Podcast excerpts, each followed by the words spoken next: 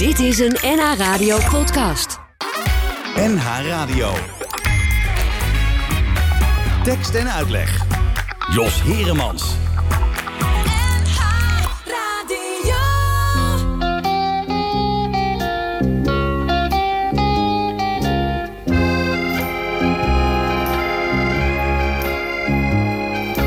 Geef me nog een laatste biertje.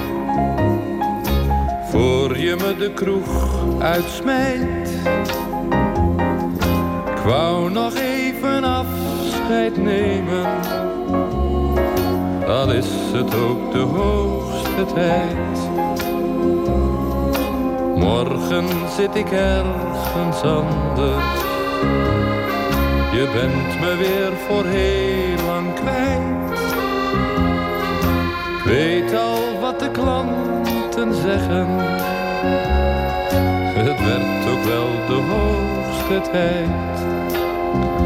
Je vindt nergens op de wereld ooit zo'n stamcafé als dit.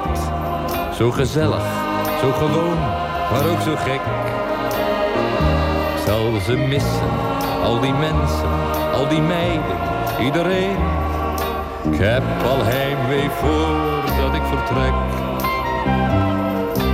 Heb ik nog iets laten liggen? Sta ik bij jou nog in het krijt? Hier heb je mijn laatste tientje. Je ziet, het is de hoogste tijd.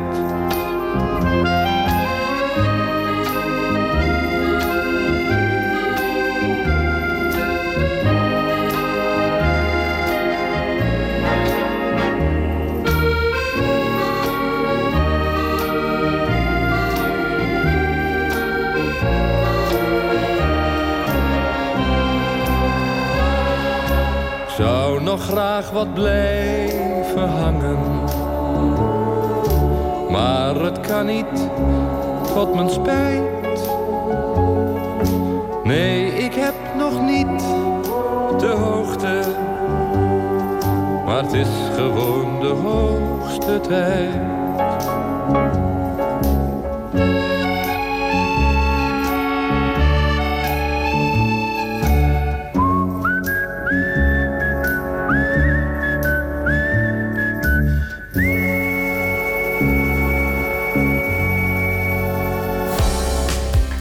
Uh, welkom bij uh, Tekst en Uitleg. Ja, ik zeg goedenavond, het is eigenlijk een goede middag. Maar door dit lied, uh, de laatste ronde... geven we nog een laatste biertje voor je met de kroeg uitsmijt van uh, Rudy Karel. Dat heb je natuurlijk allemaal al gehoord net, om vijf voor vijf gingen alle kroegen weer dicht. Ook op deze zaterdag. Op deze 4 december. Welkom bij Tekst en Uitleg. Uh, we maken er uh, ondanks uh, de coronamaatregelen een gezellige dag van. We gaan straks praten met Maartje en Kiene. Die mogen nergens optreden met hun nieuwe show Speelbeesten 2. Maar die hebben wel een heel leuk alternatief bedacht. Die gaan namelijk met hun omgebouwde bus, met een piano daarin... langs zorginstellingen om daar in de buitenlucht gezellig... met een gluwijntje erbij een optreden te verzorgen. Dat doen ze allemaal keurig binnen de lijntjes van de maatregelen. En hoe dat precies in elkaar zit, dat hoor je later. Uh, en we hebben een gast hier in de studio. En die gast is uh, Michelle van der Kind. Zij is uh, lerares op het Ignatius College in Amsterdam. En zij maakt haar debuut, haar schrijversdebuut. En dat schrijversdebuut, dat doet ze met Sea, Sex en Witlof. Michelle, goedemiddag. Ik zal eerst even je microfoon openzetten. Dan kun je ook gezellig met me meepraten. Ja, goedemiddag. Goedemiddag. Ja, je schrijversdebuut. Hoe, hoe voelt dat? Nou, heel bijzonder. vooral omdat ik er heel lang naartoe heb geleefd. Mm -hmm. um, ja, uh, ik denk dat ik al vanaf kind af, van kinds af aan schrijf ik. En in dagboeken en uh, ook zware puberpoëzie. En, um, zware, ja, puberpoëzie. zware puberpoëzie. Wat is dat? nou, met heel veel gevoel. en, en, met heel veel gebroken harten en ja, liefdes en zo? Ja. Oh, ja. En die, ja, die liggen verborgen in een kast. Maar nu mogen mijn verhalen naar buiten. Die, dus mogen nu naar buiten, ja. ja. En, en, en, die gedichten, wat, wat doe je daarmee? Laat je die in die la liggen? Ja, die moeten daar blijven liggen, ja. ja kijk je nog wel eens terug? Ik, uh, ik, ik kwam er laatst een tegen toen ik aan het opruimen was. En uh, nou, die heb ik weer snel in het boekje gestopt. Oh, waarom? Het was echt te dramatisch. En eh, ook veel vergelijkingen met rozen en dorens en Oh, clichés. Ja, ja, ja. ja. Ja. ja het, het ligt ook zo voor de hand. Maar je wordt ook zo heel ge- erg geïnspireerd. Tenminste, dat vond ik zelf als puber. eh, door, eh, als je een goede leraar Nederlands hebt tenminste. En dat ben jij natuurlijk ook. Ik hoop het. maar ik werd ook wel heel erg geïnspireerd door mijn, door mijn leraar Nederlands. Dat, dat geluk heb ik ook gehad. En dan ga je zelf vanzelf wel boeken schrijven, weet je wel. Je, je gaat je eigen Decamerone proberen te componeren en dat soort dingen. Heb jij dat soort dingen ook gehad? Eh, nou, ik eh, denk het wel. Ehm, al vond ik mijn. Ja, ik denk. Ja, mijn leraar Nederlands die eh, kwam op de motor naar school. En dat vond ik eigenlijk het meest inspirerende. En dan deed hij zijn motorpak voor de klas uit. Een soort Jan Kramer. Ja, zoiets. Ik denk dat hij dat ook wel wilde uitstralen. Eh, maar ik vond de lessen op de middelbare school niet per se heel inspirerend. Hmm. Wa- Wanneer, eh, door, door wat werd jij wel geïnspireerd al op jonge leeftijd om, om je aan de literatuur te wagen? Mm, door de boekenkast van mijn ouders. Hmm. Daar pakte ik wel veel boeken uit. Wat stond daarin? Ja, ik las al heel veel, nou eigenlijk veel te vroeg, eh, las ik Jan Wolkers. En Mhm. daar ging ik ook een spreekbeurt over geven in de eerste klas. En toen zat de hele klas met rode oortjes, want ik had een heel vies stukje uitgekozen om voor te lezen. Kan ik, welk boek was dat? Eh, volgens mij was dat de kus. oh, oké. Ja, Heeft dat een trauma opgeleverd of niet? bij mij nee. nee, ongelukkig, nee. Eh, nee. En en wat, wat, wat nog meer behalve Wolkers stond er bij jouw ouders in de Eh, kast? Ja, er stonden wel veel detectives. En dat, ik heb Mhm. nog steeds wel een zwak voor detectives. Ik kijk al die detectives op tv ook.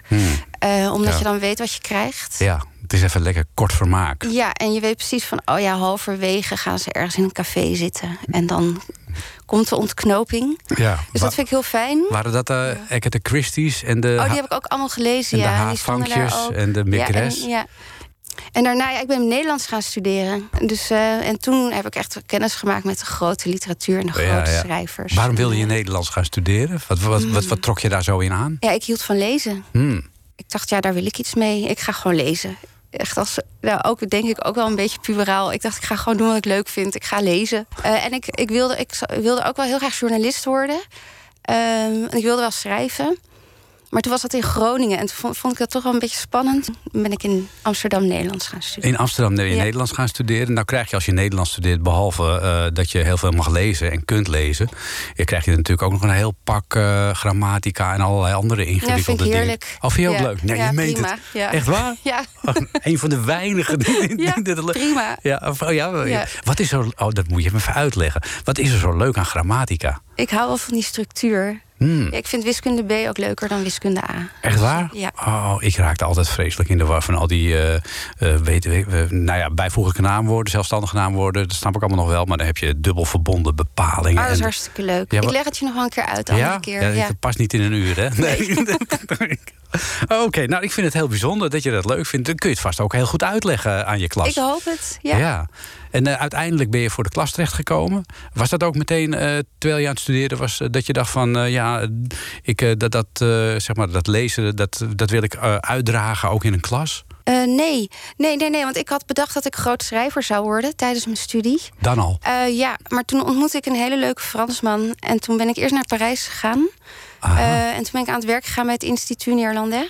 Eh, oh ja, dat is ehm, opgegeven, hè? Ja, jammer genoeg. Potverdorie. Ja. Bij de Daar vorige heb ik beza- taallessen gegeven. Had Halbe Zeilstra ook al, heeft hij ook al een zeep geholpen. Ja, Nou, maar goed, Ja. dit is een zijsprong. ja. Eh, dus jij naar het instituut Nederlandais in Parijs. Mm, daar heb ik taallessen gegeven. Ja. En toen ehm, kwam ik terug in Nederland. Dat heb ik een jaar gedaan, anderhalf jaar misschien. Mhm. En toen kwam ik terug in Nederland. Toen dacht ik, ja, het onderwijs is heel erg leuk. Ja. Eh, en toen heb ik eerst nog een hele tijd eh, eh, taallessen gegeven, Nederlands als tweede taal. En toen ben ik per ongeluk in een, op, in een school, op, ja, voor een schoolklas terechtgekomen als docent Frans. Ja. Eh, en ehm, ja, toen is van het ene eigenlijk het ander gekomen. En toen werkte ik opeens in het onderwijs. En ik, ik heb het eigenlijk nooit. Ik heb er echt nooit spijt van gekregen. Nou, Ehm, dat, dat is goed om te horen. Ja, Eh, we gaan even naar de muziek. Want eh, je, nou ja, ik maak maar even een zijsprongetje. Eh, je had het over het Instituut Néerlandais in Parijs. Britta Maria, die heeft ook Fra- Franse, heel veel Franse connecties. Heeft ook een nummer vertaald uit het Frans. Dat doet ze wel vaker. En dit is de nieuwste. En die heet De Tijd.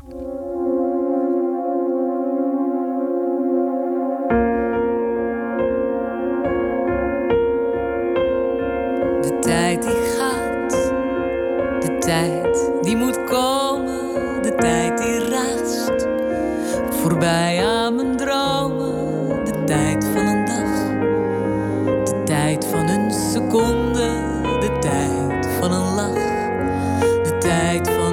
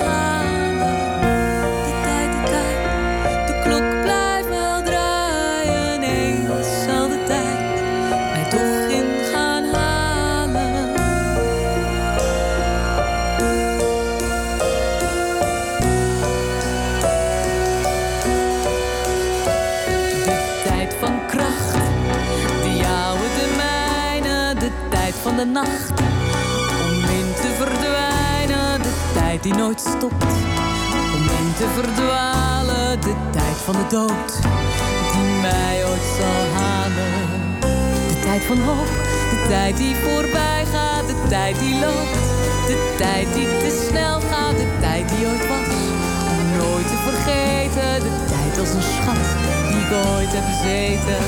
De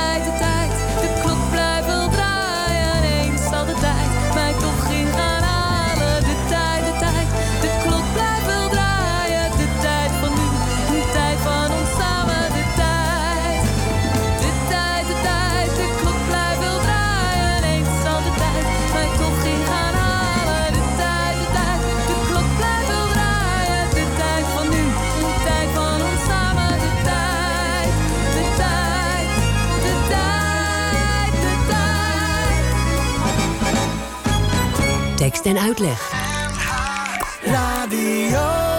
Michelle van der Kind. Michelle van der Kind eh, maakt haar eh, literaire debuut met eh, de bundel Sea, Sex en Witlof. Dat is een verhalenbundel. Ze is lerares op het Amsterdamse Ignatius College. Eh, nou, net begonnen dus zeg maar met het, met het pad eh, der literatuur. Eh, we waren gebleven, Michelle, bij jouw eerste stappen in het onderwijs. Eh, dat Ja. je via het instituut Nederlanden eh, uiteindelijk eh, terechtkwam eh, op een middelbare school. Dat was in Amstelveen, heb ik begrepen. Ja, eerst in Amstelveen en daarna op het Ignatius Gymnasium. Het is het Ignatius Gymnasium. Gymnasium Ja, wel. vroeger was het het Ignatius College, maar het is nu gymnasium. Oh, het is echt. Ja. de, de rest hebben ze afgestoten. Nou, laten we dat niet zo benoemen. Maar maar het is wel zo. Ja. Eh, en, en, en hoe is dat? Op een, wat wat, wat eh, voor lessen geef je dan op een gymnasium? zoals op, het, op ieder VWO. Mhm. Ehm, dus alle onderdelen. Eh, ik vind het zelf het leukst om literatuurlessen te geven. Oh, ik hou heel erg van voorlezen, dus ik lees, lees heel regelmatig verhalen voor. Korte verhalen. Ehm, van Maarten Biesheuvel bijvoorbeeld. Ehm, maar ook andere schrijvers. Mm, en ik hou ook heel erg van ja, schrijvers nadoen. Eh, dus in mijn lessen doen we regelmatig een schrijver als Rob van Essen na. Eh, dan kijken dan dan moet je kijken of je in dezelfde stijl kunt schrijven. ja, bijvoorbeeld. Of hetzelfde trucje uithalen, maar dan Mm. net anders. Of, eh, en eh, dat levert hele leuke dingen op. Ik, Ja. ik vind dat zo bijzonder om te zien wat een kleine opdracht Mhm. voor iets groots teweeg brengt in een klas. En dertig verschillende interpretaties van dezelfde opdracht. Ja, dat is wel leuk om te zien. ja, hè? en zonder dat ze het zelf doorhebben, schrijven ze zulke mooie stukken. En, Eh, en je hoort altijd heel veel klagen eh, in het, over mensen over het onderwijs. Van dat ze beheersen de Nederlandse taal niet meer. En dat soort dingen. En het onderwijs van vroeger, dat was veel beter. Jij zit er middenin. Beheersen ze de Nederlandse taal niet meer? Kunnen ze niet meer spellen tegenwoordig? Jawel, ze kunnen wel spellen. Maar, Ja, je wilde vast best iets meer over zeggen.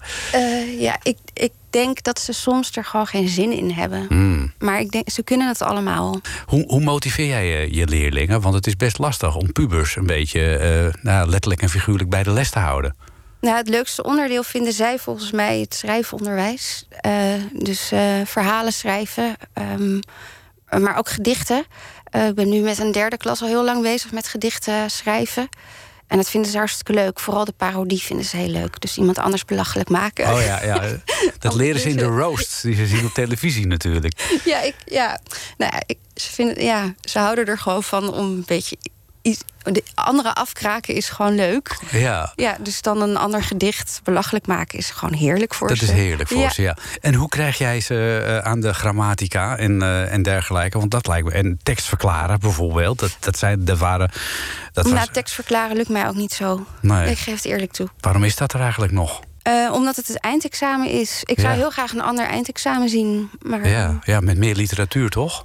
eh, In- in- ja, of een eh, grote tekst schrijven en dan onderzoek doen als een soort onderzoeksjournalist. Mhm. Dat zou ik wel willen. Maar dat is heel lastig met nakijken dan. Ja, want het is Het natuurlijk heel subjectief. Ja, ja. ja. Maar ja, goed, als iemand passievol schrijft...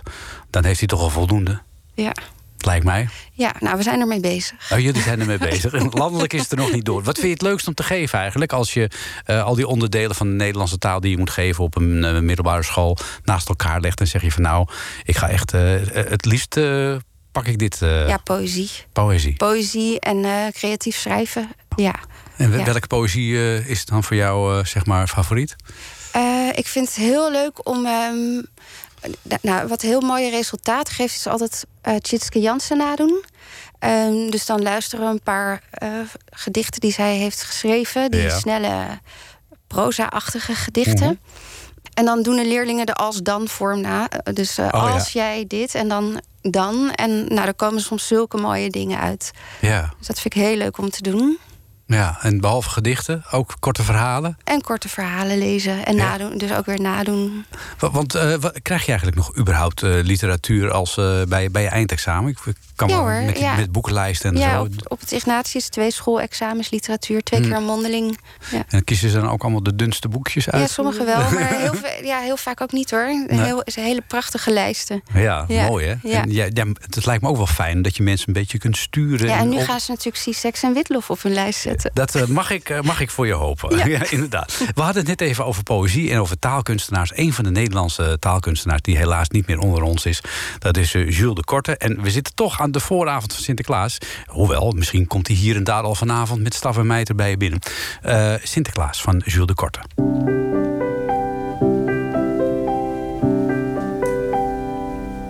Sinterklaas, goed heilig man, sta mij toe te storen. Ik laat u graag, als het even kan, een klein liedje horen. Om u te vertellen namens groot en klein, dat u weer van harte welkom hier zult zijn. Zet uw mijter op het hoofd, steek uw zak vol geschenken. En wil elk die in u gelooft op uw feest gedenken.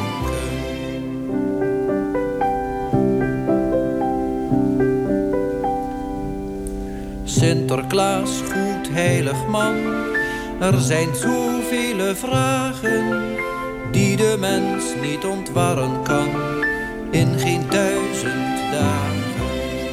In de grote wereld kraakt het overal. Soms is het weer net of het oorlog worden zal.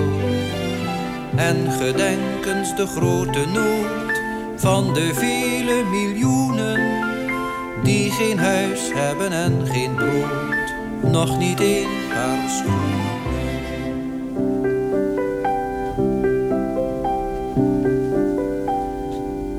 Sinterklaas, goed heilig man, telkens knaagt ons geweten.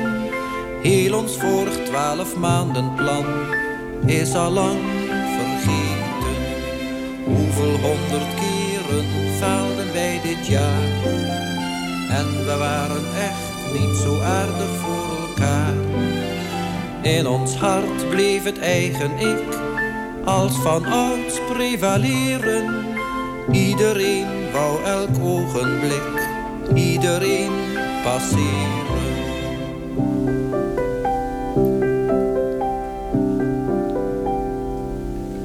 Sinterklaas, goed heilig man, met uw zilveren haren.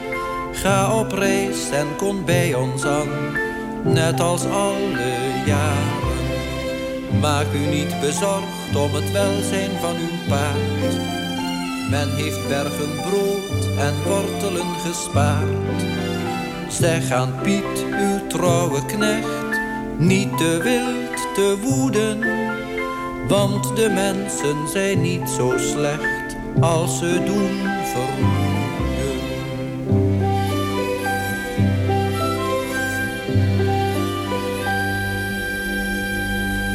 Dat was Jules de Korte met uh, Sinterklaas. En uh, Jules is uh, helaas al een tijdje niet meer onder ons.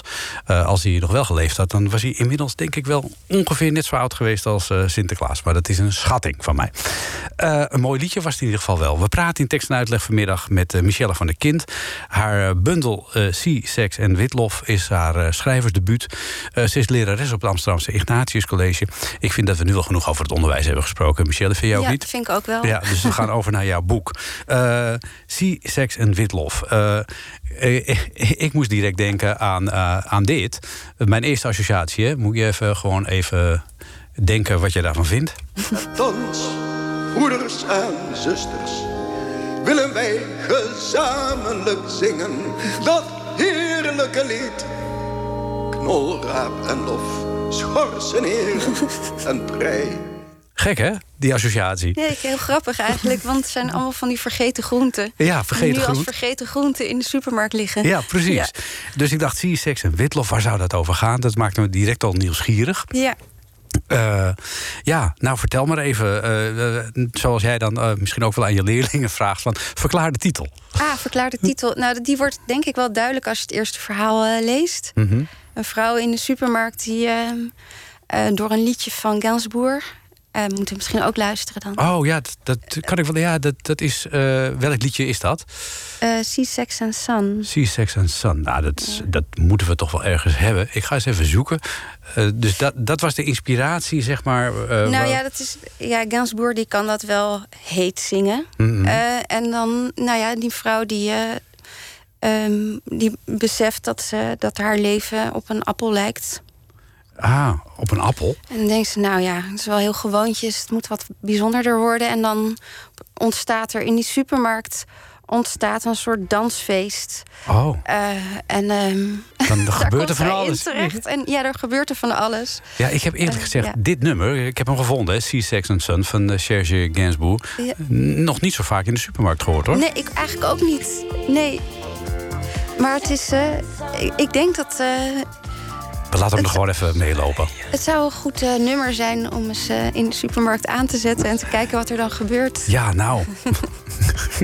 Tegenwoordig zeker, toch? Ja. Ja, ja. Er ontstaan allerlei uh, fantasieën en uitbundige situaties dan in die supermarkt tussen het brood en de, en, en de vleeswaren. En de vleeswaren. Um, Uh, het is licht absurdistisch, mag ik het zo noemen? Ja. Zwaar absurdistisch misschien wel. Ja, misschien. Maar dat zegt ook wel iets over hoe jij denkt, denk ik. Ja, denk ik ook. Ja, ik ben wel altijd op zoek naar een soort gat in de werkelijkheid. Mm. Uh, en daar duik ik dan graag in als ik het zie of als ik het voel. En dan, uh, dan vind ik het heel fijn om dat uit te werken. Uh, heeft die, die, die, zeg maar, die vreemde move, die altijd op zoek naar het, ja, het, het, het uitzonderlijke, heeft dat altijd in jou gezeten? Dat je altijd heel origineel bent in je gedachtegangen? Dat weet ik eigenlijk niet. Misschien. Nou, dat hoor je toch wel eens van mensen. Ja, van, nee, ja, die zeggen dat wel, toch wel tegen. Nou, Michelle, hoe kun je nou ja, dat nou weer bedenken? Ja, laatst kwam iemand die dus ook in, in een bundel aan het lezen is. En die zei: Ja. En soms hoor ik jou echt door de tekst heen, omdat ik jou zo goed ken. Mm -hmm. uh, en dan denk ik, oh ja, dat is echt weer zo'n Michelle-achtige opmerking. En, dan denk ik, en ik, ik, ik kan dat niet zelf, ik zie dat zelf helemaal Je ziet dat zelf nee. niet? Nee. nee. Je, je verhalen zijn allemaal um, verrassend. Af en toe zijn ze vervreemdend. Uh, mm -hmm. Dat je even moet denken van oké, okay, is dit nu de werkelijkheid? Of uh, is dit een situatie die, uh, die ze helemaal verzonnen heeft? Dat loopt een beetje door elkaar heen steeds. De werkelijkheid en, en de fantasie. Ik heb alles verzonnen in de verhalen. Ja. En heb je ook veel inspiratie opgedaan op school bijvoorbeeld? Eh, ja, ja er, personages, die lopen Mhm. daar wel rond natuurlijk. Ja, dus ik, ik, ik luister wel veel wat er met mensen om me heen zeggen. En ook wat kinderen zeggen. En laatst zei een, een meisje, en dat vond ik zo, ja, zo'n mooie uitspraak. Die zei, ja, ja, mijn moeder ligt in de kelder. Oh. Eh, ja, dat, dat zei ik dus ook. Oh.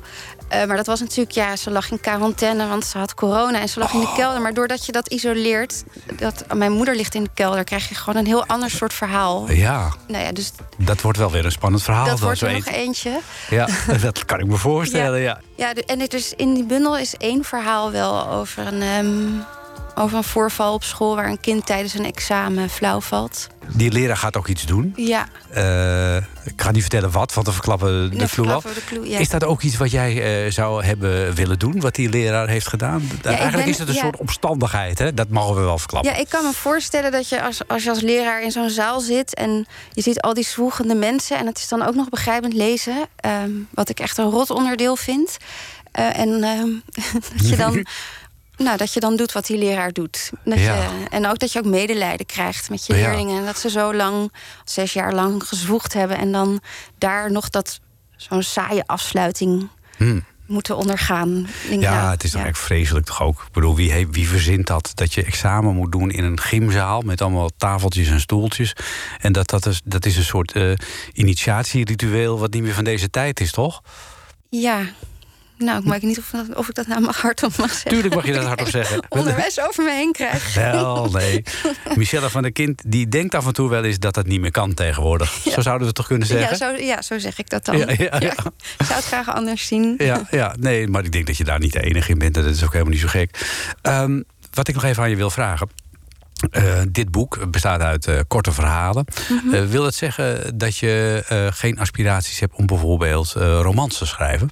Eh, ja, die heb ik heel lang gehad. Hm. En ehm, ik vind het ook heel mooi om een roman te schrijven. Maar ik was niet echt tevreden over wat ik als roman eh, had neer, heb neergezet. Oh. Eh, ik merkte dat ik op het moment dat ik... Nou ja, schrijven is schrappen. Dat is zo'n wijze les. En dat zeg ik in de les heel vaak tijdens de, het, op schooldagen. En nu dacht ik, nou laat ik het zelf eens doen. Ja. En toen werden mijn romans, die ellenlange romans... die werden opeens prachtige verhalen. En toen dacht ik, ja, nou dan hou ik het bij korte verhalen. Ja, Ja, dat kort- is veel beter. Ja, dus da- daar heb je heel lang op zitten broeden. Eh, je bent nu eh, geen twintig meer. Dus je de- debuteert op wat latere leeftijd, om het zo maar te zeggen. Waarom eh, heb je zo lang zitten broeden? Ik schreef altijd romans en korte verhalen. En ik denk dat een- zo'n verhaal is iets organisch. Dus soms groeit het per ongeluk tot iets heel eh, langs van 100.000 woorden. En dan krimpt het weer. Dat is eigenlijk niet erg. Oh, dat vind je niet erg? Nee, ik vind het niet heel erg. Nee. Nee, ik vind het heel leuk om te doen. Is- Want zit er bij deze verhalen bijvoorbeeld eh, een verhaal bij... wat eigenlijk bedoeld was als roman? Mm, ja, nu dus niet meer. Nee, dat, dat Ja. begrijp ik. Maar in, in eerste instantie? Nou, er waren, so- sommige verhalen waren echt veel langer. Ja, Touw was ook een langer verhaal. Ja. Nou, nu we toch al wat, eh, wat titels hebben genoemd... eh, een van de een- ja, meest eh, spannende vond ik wel... dat, dat Mag, Margatni Hotel. Mhm. Moest ik eerst even over nadenken. Toen pas zag ik dat het Instagram achterstevoren was. ja. Dat, dat is wel een bijzonder gegeven. Vertel eens waar, waar dat over gaat... als je één verhaal wil, zou willen prijsgeven. Ja hoor, ja, dat is een vrouw die gaat naar zo'n Instagram-museum. Ja, dat bestaat tegenwoordig, hè? En ehm, het is een heel raar concept eigenlijk. Je gaat naar een museum niet om van de kunst te genieten... maar om foto's van jezelf te maken in die soort kunst... Mhm. die eigenlijk ook niet echt kunst is. Eigenlijk een decor, hè? Een decor, ja. Ja, en dus die vrouw die gaat daar naar binnen... terwijl ze daar eigenlijk ook niet echt naartoe wil. En dan groeit dat gebouw, dat groeit en dat groeit... en dat wordt oneindig lang en de kamers volgen elkaar op. En ja, ze, wil wel, weer- ze wil wel weer naar buiten... maar de uitgang die kan ze niet Een meer soort vinden. Hotel California. Ja, het, het- ja, het is- is oneindig, is het. Ja. ja. Ze komt er wel uit. Hè, voor de mensen met eh, eh, claustrofobie. Het komt goed, mensen. Ja, het komt goed. Het komt goed. Dat, dat zijn toch wel. Ben jij zelf ook in zo'n Instagram museum Ja, geweest? om, daar om, geweest. om research ja. te doen? Ja, om eens te kijken hoe dat daar is. En dat, het, is, het ziet er van buiten dus heel klein uit. Mhm. Maar het is van binnen heel groot. En daar lopen dus echt mensen en die lopen daar foto's te maken. De hele tijd van zichzelf foto's te maken. is toch bizar, Ja, het is- toch? Ja. ja. Dat is eigenlijk een beetje hè, we, we, de wereld van tegenwoordig. Je hebt twee werelden. De echte wereld, zoals wij hier zitten tegenover elkaar. En de wereld in, van Instagram, Facebook en de social media. Ja. Ja, een beetje treurig beeld, toch? Nou, ik vond het vooral heel interessant om te zien hoe mensen hun best doen om zo'n zo'n foto neer te zetten. En hoe oh. serieus mensen dat, dat, dat ook nemen. Dat, ja, dan stond er een scooter en dan ging ze echt op die scooter zitten en dan het haar naar achter en ehm, ja, elkaar vastpakken een beetje alsof je op de scooter rijdt door Frankrijk. En ik, ik vond ja, fascinerende schijnwerkelijkheid. Fascinerend, ja. ja. wel inspirerend ook natuurlijk, want je, ja, je ziet daar allerlei mensen dingen doen die je in het normale leven misschien niet zo 1, 2, 3 zou doen. Nee, nee, al denk ik dat heel veel mensen in het normale leven ook steeds meer als een decor zien. Ik woon Hmm. in de Jordaan en dan kijk ik uit op de Hilletjesbrug. En dan zie ik soms mensen op die brug staan. Die, nou, je ziet de hele dag mensen. Nee, ik zie niet soms mensen op die brug staan. Ik zie de hele dag mensen op die brug staan die foto's van zichzelf maken. Ja. In dat decor Amsterdam. Ja, om te laten zien dat ze er geweest dat zijn. ze er geweest zijn. Ja. Ja. Wat is, welk verhaal in, dat is een gewetensvraag, hè? welk verhaal in dit boek, in deze bundel, is jou het liefst? Ja, het eerste verhaal. Ik vind het echt zo'n heerlijk verhaal. Omdat ik echt, ik haat boodschappen doen. Ah. Eh, en dan in de supermarkt zo'n feestje. Dat lijkt me echt zo geweldig. Ja. Eh, dus dat vind ik een heel mooi verhaal. Ehm, en ik vind ook het verhaal Oelewapper heel mooi. Ehm, omdat het me heel verdrietig maakt. Oh, Eh, waarom? Nou, zo'n familie en dan iemand die eruit stapt of die overlijdt in een familie. En dat dat dan nooit meer hetzelfde is. Zo'n familieweekend in zo'n stom park. Ja. Dat, ja, dat, Van de toen andere ik dat op had geschreven, dacht ik, oh, dit raakt me geloof ik wel. Ja, Ja. Nou, ja, ja, nou ja, ook het overlijden van, van, van die persoon, hè, die wegvalt dan. Maar ook de, beklemmend, hij, de beklemmendheid van, van eh, met je familie naar zo'n eh, naar, naar zo'n eh, zo'n huisjes, zo'n park. Ja. Dat is ook heel beklemmend, toch? Ja, het is een beetje gek, want je denkt dat je, dat je het in je eentje heel gezellig hebt. Maar dan ga je do- door die huisjes, tussen die huisjes doorlopen. En dan is iedereen hetzelfde aan het doen. Ja, ja. Ja. Ja, ik vind het. eh, ik, ik word er altijd een beetje. Ik krijg er altijd een beetje koud van. Van, Ja. die, van, van die familieweekenden Ja. in, die, in die bungalowtjes. Maar ja, de kinderen vinden het heel leuk, hè? ja, de kinderen zijn. Ja, ja altijd weer die kinderen. ja. Goed, eh, we gaan, gaan zo met je verder praten. Eh, Elske de Wal gaan we even beluisteren. Heb het leven lief. Nou, dat lijkt me een uitstekend motto.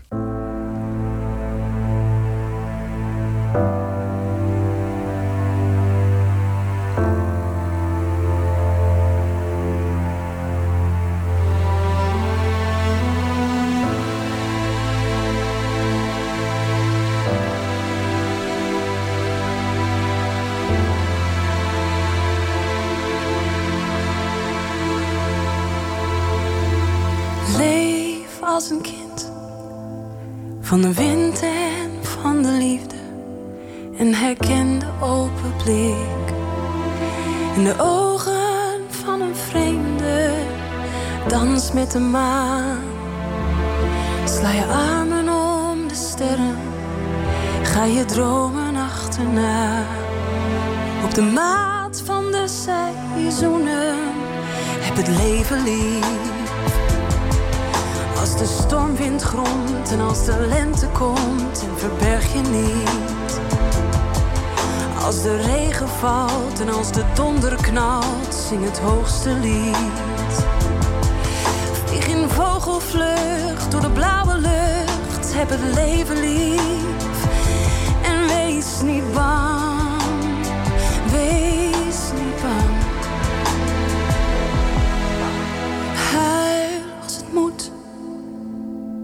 Stikt in al je tranen, maar ontwapen je verdriet.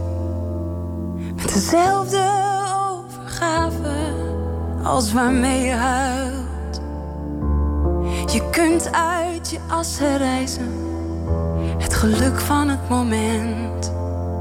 Zet een streep door het verleden, de stormwind gromt en als de lente komt, verberg je niet. Als de regen valt en als de donder knalt, zing het hoogste lied. Vlieg in vogelvlucht door de blauwe lucht, heb het leven lief. En wees niet bang.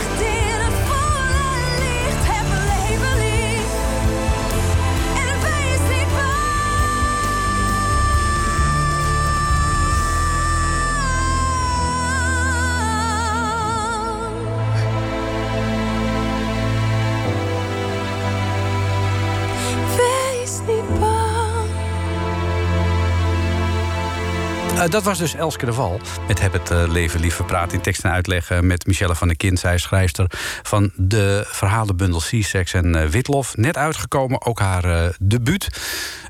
ze is ook lerares op het Ignatius College in Amsterdam. Daar hebben we het al uitgebreid over gehad.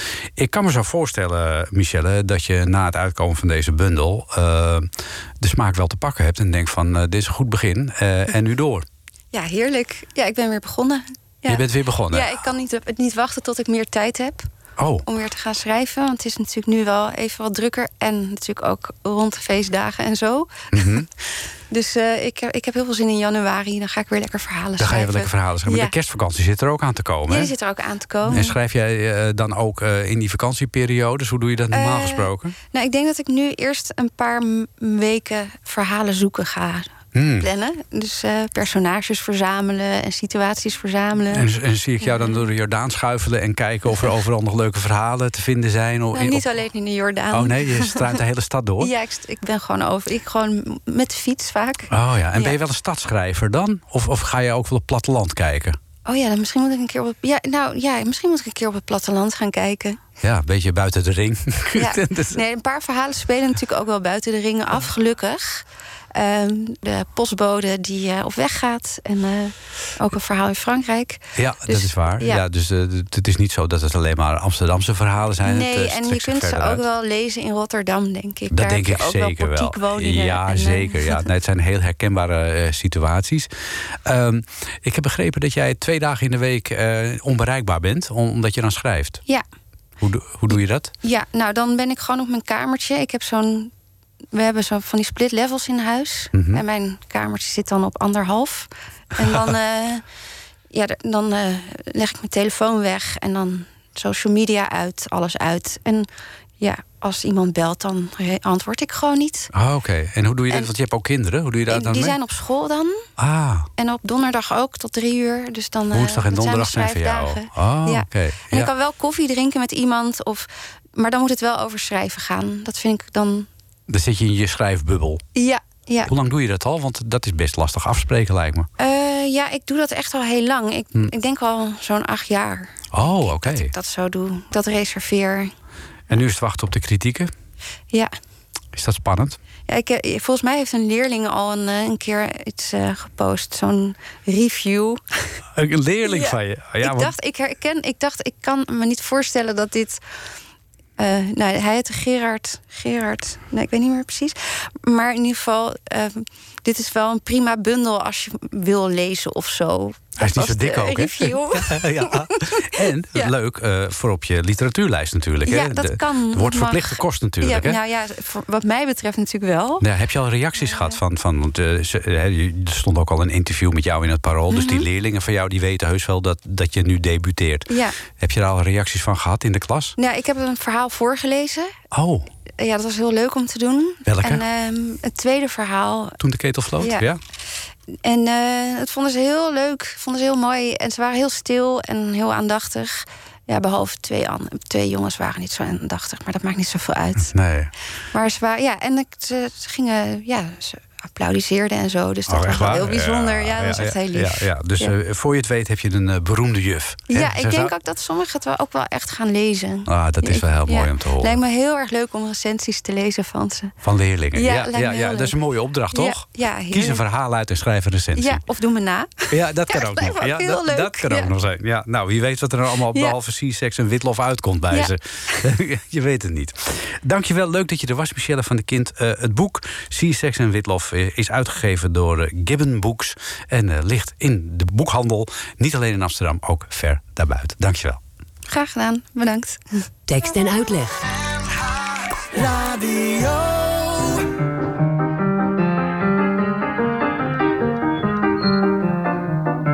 U zult het niet geloven, maar mensen, het is waar. Ik heb alweer een beetje minder zin dan vorig jaar. Een beetje minder adem, een beetje minder kracht. Wat had u anders van zo'n hoogbejaarde man verwacht? Mijn knecht die staat te lachen en huppelt op en neer. Oh nee, dat doet mijn paard af, het hoeft voor mij niet meer. Het is hier in het noorden zo schemerig en koud. En wat ik ook vertel of doe, de kinderen blijven stout. Als ik in mijn kazuifel door kathedralen schuifel, dan kan het leven er nog wel mee door. Maar komt de maand november, dan denk ik aan december. En met een holle stem bereid ik mij op het ergste voor. Het is altijd weer die poespas en steeds in vol ornaat. Ze noemen mij kapoentje, ik weet niet waar dat op slaat. En altijd die gezichten, dat snerpende gezang. En niemand die beseft hoe ik naar mijn pensioen verlang. Ze hebben immers weken hier naar me uitgekeken. Belust op speculaas en pepernoot. Jongens niet zo dringen en geen beschadigingen. Hij komt, hij komt, de goede Sint, hij zit weer in de boot. De maan schijnt door de bomen, het bos niet meer te zien. Maar ja, die zit daar lekker boven in zijn vliegmachine. En ik loop hier beneden, van kastje naar de muur. Er moet toch wel iets mis zijn met de maatschappijstructuur. Maar ik moet eerlijk zeggen, ik vind het toch wel fijn om net zo populair als Dr. Ronde Speed te zijn. In uh, tijden van corona moet je heel creatief zijn. Uh, zeker als je wil optreden. Uh, die creativiteit, daarover beschikken Maartje en Kiene. Want ja, die kunnen natuurlijk ook niet na vijf optreden in theaters. En zitten nu zielig onder de kerstboom met hun diverse instrumenten. Maar ze zitten niet bij de pakken neer. Want zij trekken erop uit. Maartje en Kiene, goedemiddag. Goedemiddag. Ja, uh, ik hoor jou als eerste, Kine. Uh, ja, jullie uh, zitten natuurlijk ook een beetje werkloos thuis. hoe, hoe gaan jullie daarmee om? Ja, we vervelen ons een beetje. ja. Dus ja, we zijn toen nog onze kerstbus versierd... en onze hele tourbusje omgebouwd tot kerst, kerstbus. Ja. En nu gaan we dus rondrijden en dan gaan we allerlei mensen die minder makkelijk naar het theater kunnen komen, ook in normale omstandigheden, gaan we verrassen met een overdosis kerst in 17 minuten. Oh. Geïnspireerd door het Noorse julehige. Ah, ja, uh, oftewel nou, kerstgezelligheid. Kerstgezelligheid. Leg eens uit, wat, wat is Noorse kerstgezelligheid? Uh, Kini, jij bent expert op dat gebied, want uh, jij hebt Noorse, Noorse roots. Nou, kerstgezelligheid is vooral ook in de adventstijd, weet je wel? Mm -hmm. Zo van oudsher een tijd waar mensen zich verheugen op ja, de kerstsfeer en de, de, lichtjes. En het is een soort eigenlijk, het gaat niet eens om religie meer. Het gaat om samenkomen en saamhorigheid voelen. En, en de verbinding waar we allemaal zo'n behoefte aan hebben. En eigenlijk, Kina vindt de Nederlandse kerst sowieso echt bagger. Ja, het is maar Ja? twee dagen per jaar en niemand heeft er echt zin in. Nee, dat is wel waar. Noorwegen duurt kerst niet van twee maanden. Echt waar? Ja. Maar Ja. in, in Noorwegen is dat toch ook nog iets... of ben ik dan in de war met eh, Zweden... als met eh, Sint Lucia, dat eh, lichtjesfeest en dergelijke? Hebben jullie dat in Noorwegen ook? Oh, wat goed. Ja, ja dat is wel eh, wel heel goed dat je dat weet. Het is voor mij een beetje een traumatische herinnering. Want dat was Santa Lucia, was altijd op school vroeger ook. Dus had je het mooiste meisje van de klas met het blond lang haar. Die werd altijd gekozen om de Santa Lucia te zijn.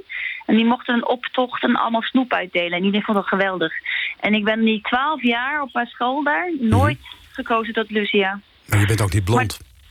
Nee, nee, ik ben niet blond. Maar dankjewel dat we deze nare herinnering naar boven Ja, goed. halen. Hè? Nou goed, even over Ja. leuke dingen. Want optreden kunnen jullie niet. Maar jullie zeggen van wij gaan in 17 minuten lang eh, de kerst bij de mensen brengen. Hoe ga je dat doen? Nou, wij hebben een kerstbus versierd. Eh, daar staat een piano in, die werkt op de accu. Al onze instrumenten, de 17 instrumenten die we normaal gesproken meenemen naar theater, staan nu in het busje. Vervolgens hebben we verschillende instanties gebeld, dus die weten dat we komen. En we hebben koekjes mee, we hebben glühwein mee. Ehm, we rijden naar die plek toe. We zijn al bijvoorbeeld bij een dakloze opvang geweest. Dan klappen we stoeltjes uit, weer bankjes, een tafeltje met de glühwein. Pakken instrumenten uit de bus, we spelen. En dan binnen een half uurtje zijn we weer weg. Ah, oké. En, En dan en, laten we ons publiek verdwaasd en gelaafd achter. ah, ja, en het glühwein neem je daar weer mee ook, neem ik aan? Ja, en er is wel een probleem dat sommige instanties mogen wij geen glühwein meenemen vanwege de achtergrond van Oh, mensen. Oh, Die oh. met mensen die verslavingsgevoelig zijn bijvoorbeeld. Ja, ja. Dat, hadden wij, qua de organisatie, dat zeggen wij, hebben daar niet goed genoeg over nagedacht. Nee, dus we hebben heel veel glühwein. Ja, maar goed, misschien eh, kun je ook nog wat chocomel inslaan. Dan eh, moet het ook te doen zijn. Zeker. en en je zegt al, je, je hebt diverse instanties daarvoor aangeschreven. Eh, dat betekent natuurlijk wel dat je die anderhalve meter in acht moet nemen... en je moet voor vijven klaar zijn. Hoe fix je dat? Nou ja, dat, dat doen we dus netjes. Dus de, de optredens zijn allemaal buiten. Mhm. En ehm, ja, bijvoorbeeld bij, bij ouderen en zo, die zijn toch bij elkaar. Dan komen we soms wel binnen, maar op afstand. En Gewoon als het gaat om kleine groepen, hè? En we Ja. houden inderdaad anderhalf meter afstand sowieso. Want natuurlijk, deze lockdown is er niet voor niks. En dan houden we ook... eh, dat respecteren we uiteraard. Hm. Hebben En- je- ja, want hebben jullie niet overwogen om dan alleen maar matinees te gaan spelen bijvoorbeeld... in plaats van met het busje op te treden? Ja, dan moeten mensen... Als we speelden ook veel op de donderdag en vrijdag. En dan werken toch sommige mensen. Dus we hebben niet al ons publiek zover gekregen om dan vrij te nemen. Jammer, hè? ja. Dat zijn we toch weinig flexibel in Nederland. En het is natuurlijk ook als je met een hele grote groep mensen kan- gaat komen in ons theater. Soms was het 200 man stond er al. Dan is het, ja, natuurlijk, ja. Wat ik zei, lockdown is er niet voor niks. Maar een kleine groep kan je wel op deze manier heel blij maken. Ja. We hebben toch nog een beetje kerst. Ja, en hoeveel van die optredens eh, hebben jullie eh, op programma staan? We gaan er eh 20, 30 doen, denk ik, in totaal. Zo, dat is best veel. Ja, dat is een behoorlijk wat. Dus we hebben... Ja. Nou, nou is het niet de eerste keer dat jullie zo'n eh, zo'n evenement eh, organiseren... want jullie zijn vaker op pad geweest met, met de bus. Ja, dat klopt. Het is eigenlijk geïnspireerd vorig jaar. ehm, dit eerste coronajaar, ja, dus vorig jaar was dat. Toen hebben we mini-concerten voor alleenstaande, alleengaande en andere nabestaanden van 2020 gegeven. Ja. Dat was vooral voor eenzamen. Dat was in nog kleinere groepen. Dat waren echt, gingen we bij mensen thuis langs en dan belden we aan en dan gaven ze een privéconcertje. Ah, en we ja. voor één iemand gespeeld. Ja, of voor twee of drie. En, en dit is voor wat grotere groepen en breng je Ja. dat, dat kerstgevoel ook een beetje over. Eh, in Noord-Holland, waar, eh, waar kunnen we jullie eh, aantreffen... als je nou ja, even stiekem wil meekijken? Nou, wij zijn in, inderdaad in de omgeving Noord-Holland zijn we bij Torenerf. We zijn ook bij een creatieve werkplaats en volgens mij bij de GGZ. We komen ook bij... ja, we zijn al bij een dakloze opvang in Purmerend geweest. We gaan nog daarna naar Meppel en omstreken Harderwijk. We doen Noord-Brabant aan. Oh, Oké, en stel nou dat, Ja. ik, dat, ik, dat ik luister eh, als, eh, als instelling zijnde... of als eh, nou ja, verzorgingshuis of whatever. En ik denk, nou, dat lijkt me hartstikke leuk... om de mensen hier ja, te vergasten op een, op een leuk optreden. Kunnen we dan in contact komen met jullie? En dan kan je een mailtje sturen naar kerstconcert.maartjenkine.nl Nou, ik denk dat er eh, best mensen zijn die dat willen. En eh, nou, ik eh, vind het een heel mooi initiatief... en ik wens jullie eh, heel veel succes met de toeren met de bus. Fijne kerst! Oh, ja, ja, fijne kerst. hè. Hoe zeg je dat op zijn Noors? Goeie Het is kerstavond.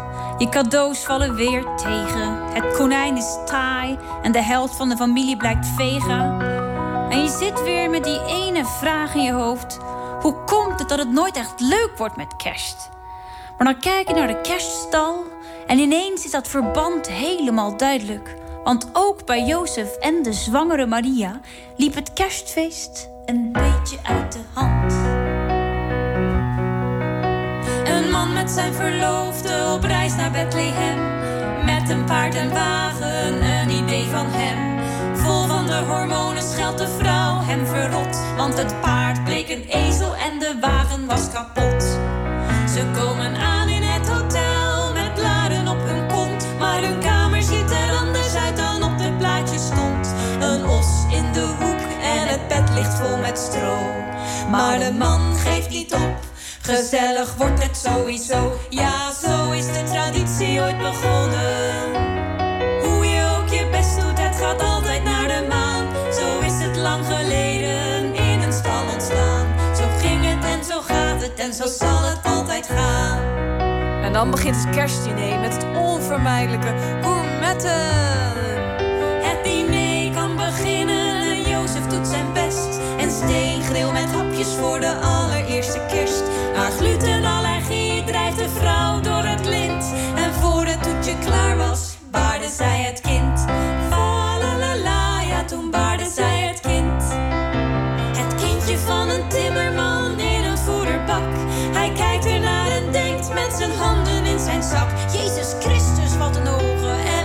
zijn neusje klein. Toch lijkt die kribbe nog het meest op wat van mij had kunnen zijn.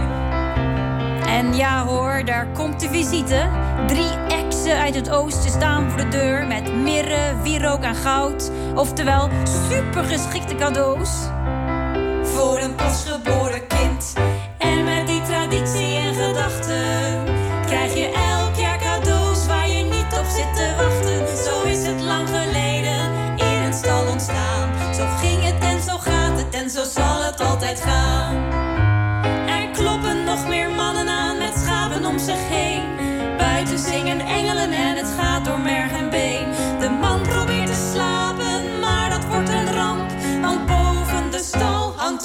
Felle lamp. Nu heeft de timmerman zijn grens bereikt. Hij schopt de voerbak om en peert hem op de ezel. Ja, daar ging de bruidegom. Met die jongen komt het nooit meer goed, schreeuwt hij nog doodop. En voor het eerst van zijn leven sloeg hij de spijker op zijn kop. Ja, zo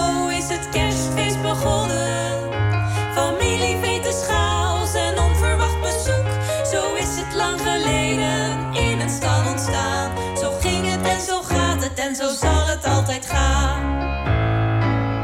Dus, als je kerst dit jaar weer hebt verpest, dan moet je dat jezelf vooral niet te kwalijk nemen. Dat is juist de traditie sinds het jaar nul. En 2000 jaar later is er helemaal niet zoveel veranderd. Ik heb geen os, maar wel een schoonmoeder. Geen ezel, maar een oom. Geen engelen, maar neefjes. En geen voerbak, maar een boom. Dus zit je wat verloren met spuitsneeuw in je haar. Weet dan, er is altijd weer een nieuwe kans. In december volgend jaar.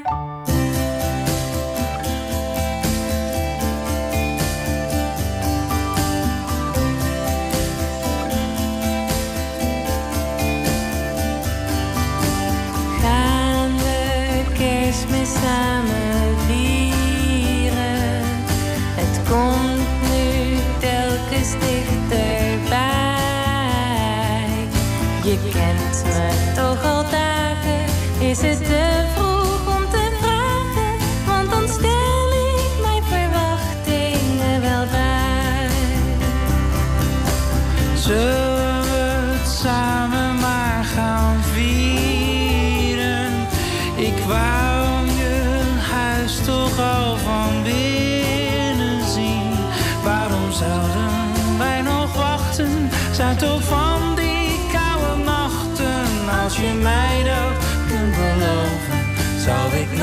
eens gaan geloven.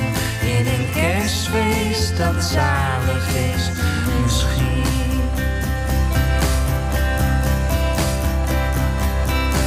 Gaan we kerstmis samen vieren? Eten, zingen, dansen, rode wijn. Ik deel maar een gedachte, je moet niet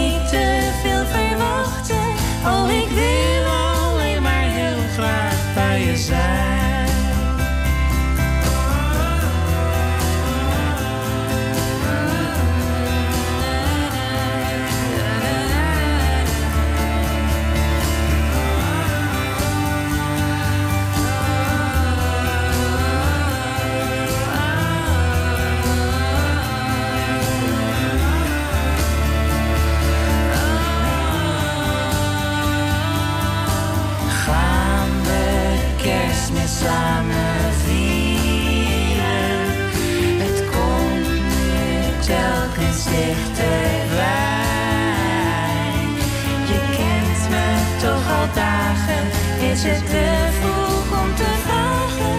Als je mij dat kunt beloven, zou ik nog eens gaan geloven in een kerstfeest dat zalig is misschien. Als je mij dat kunt beloven, zou ik nog eens gaan geloven in een kerstfeest dat zalig is misschien. Dat was eh, Clean Pete samen met eh Marien Dorlijn. Ja, we gaan toch een beetje naar de kerst toe al. Eh, straks na zessen, Ferdy Bolland natuurlijk... met het Gouden Hits Museum. En ik... Dit was een NH Radio podcast. Voor meer, ga naar nhradio.nl. Radio.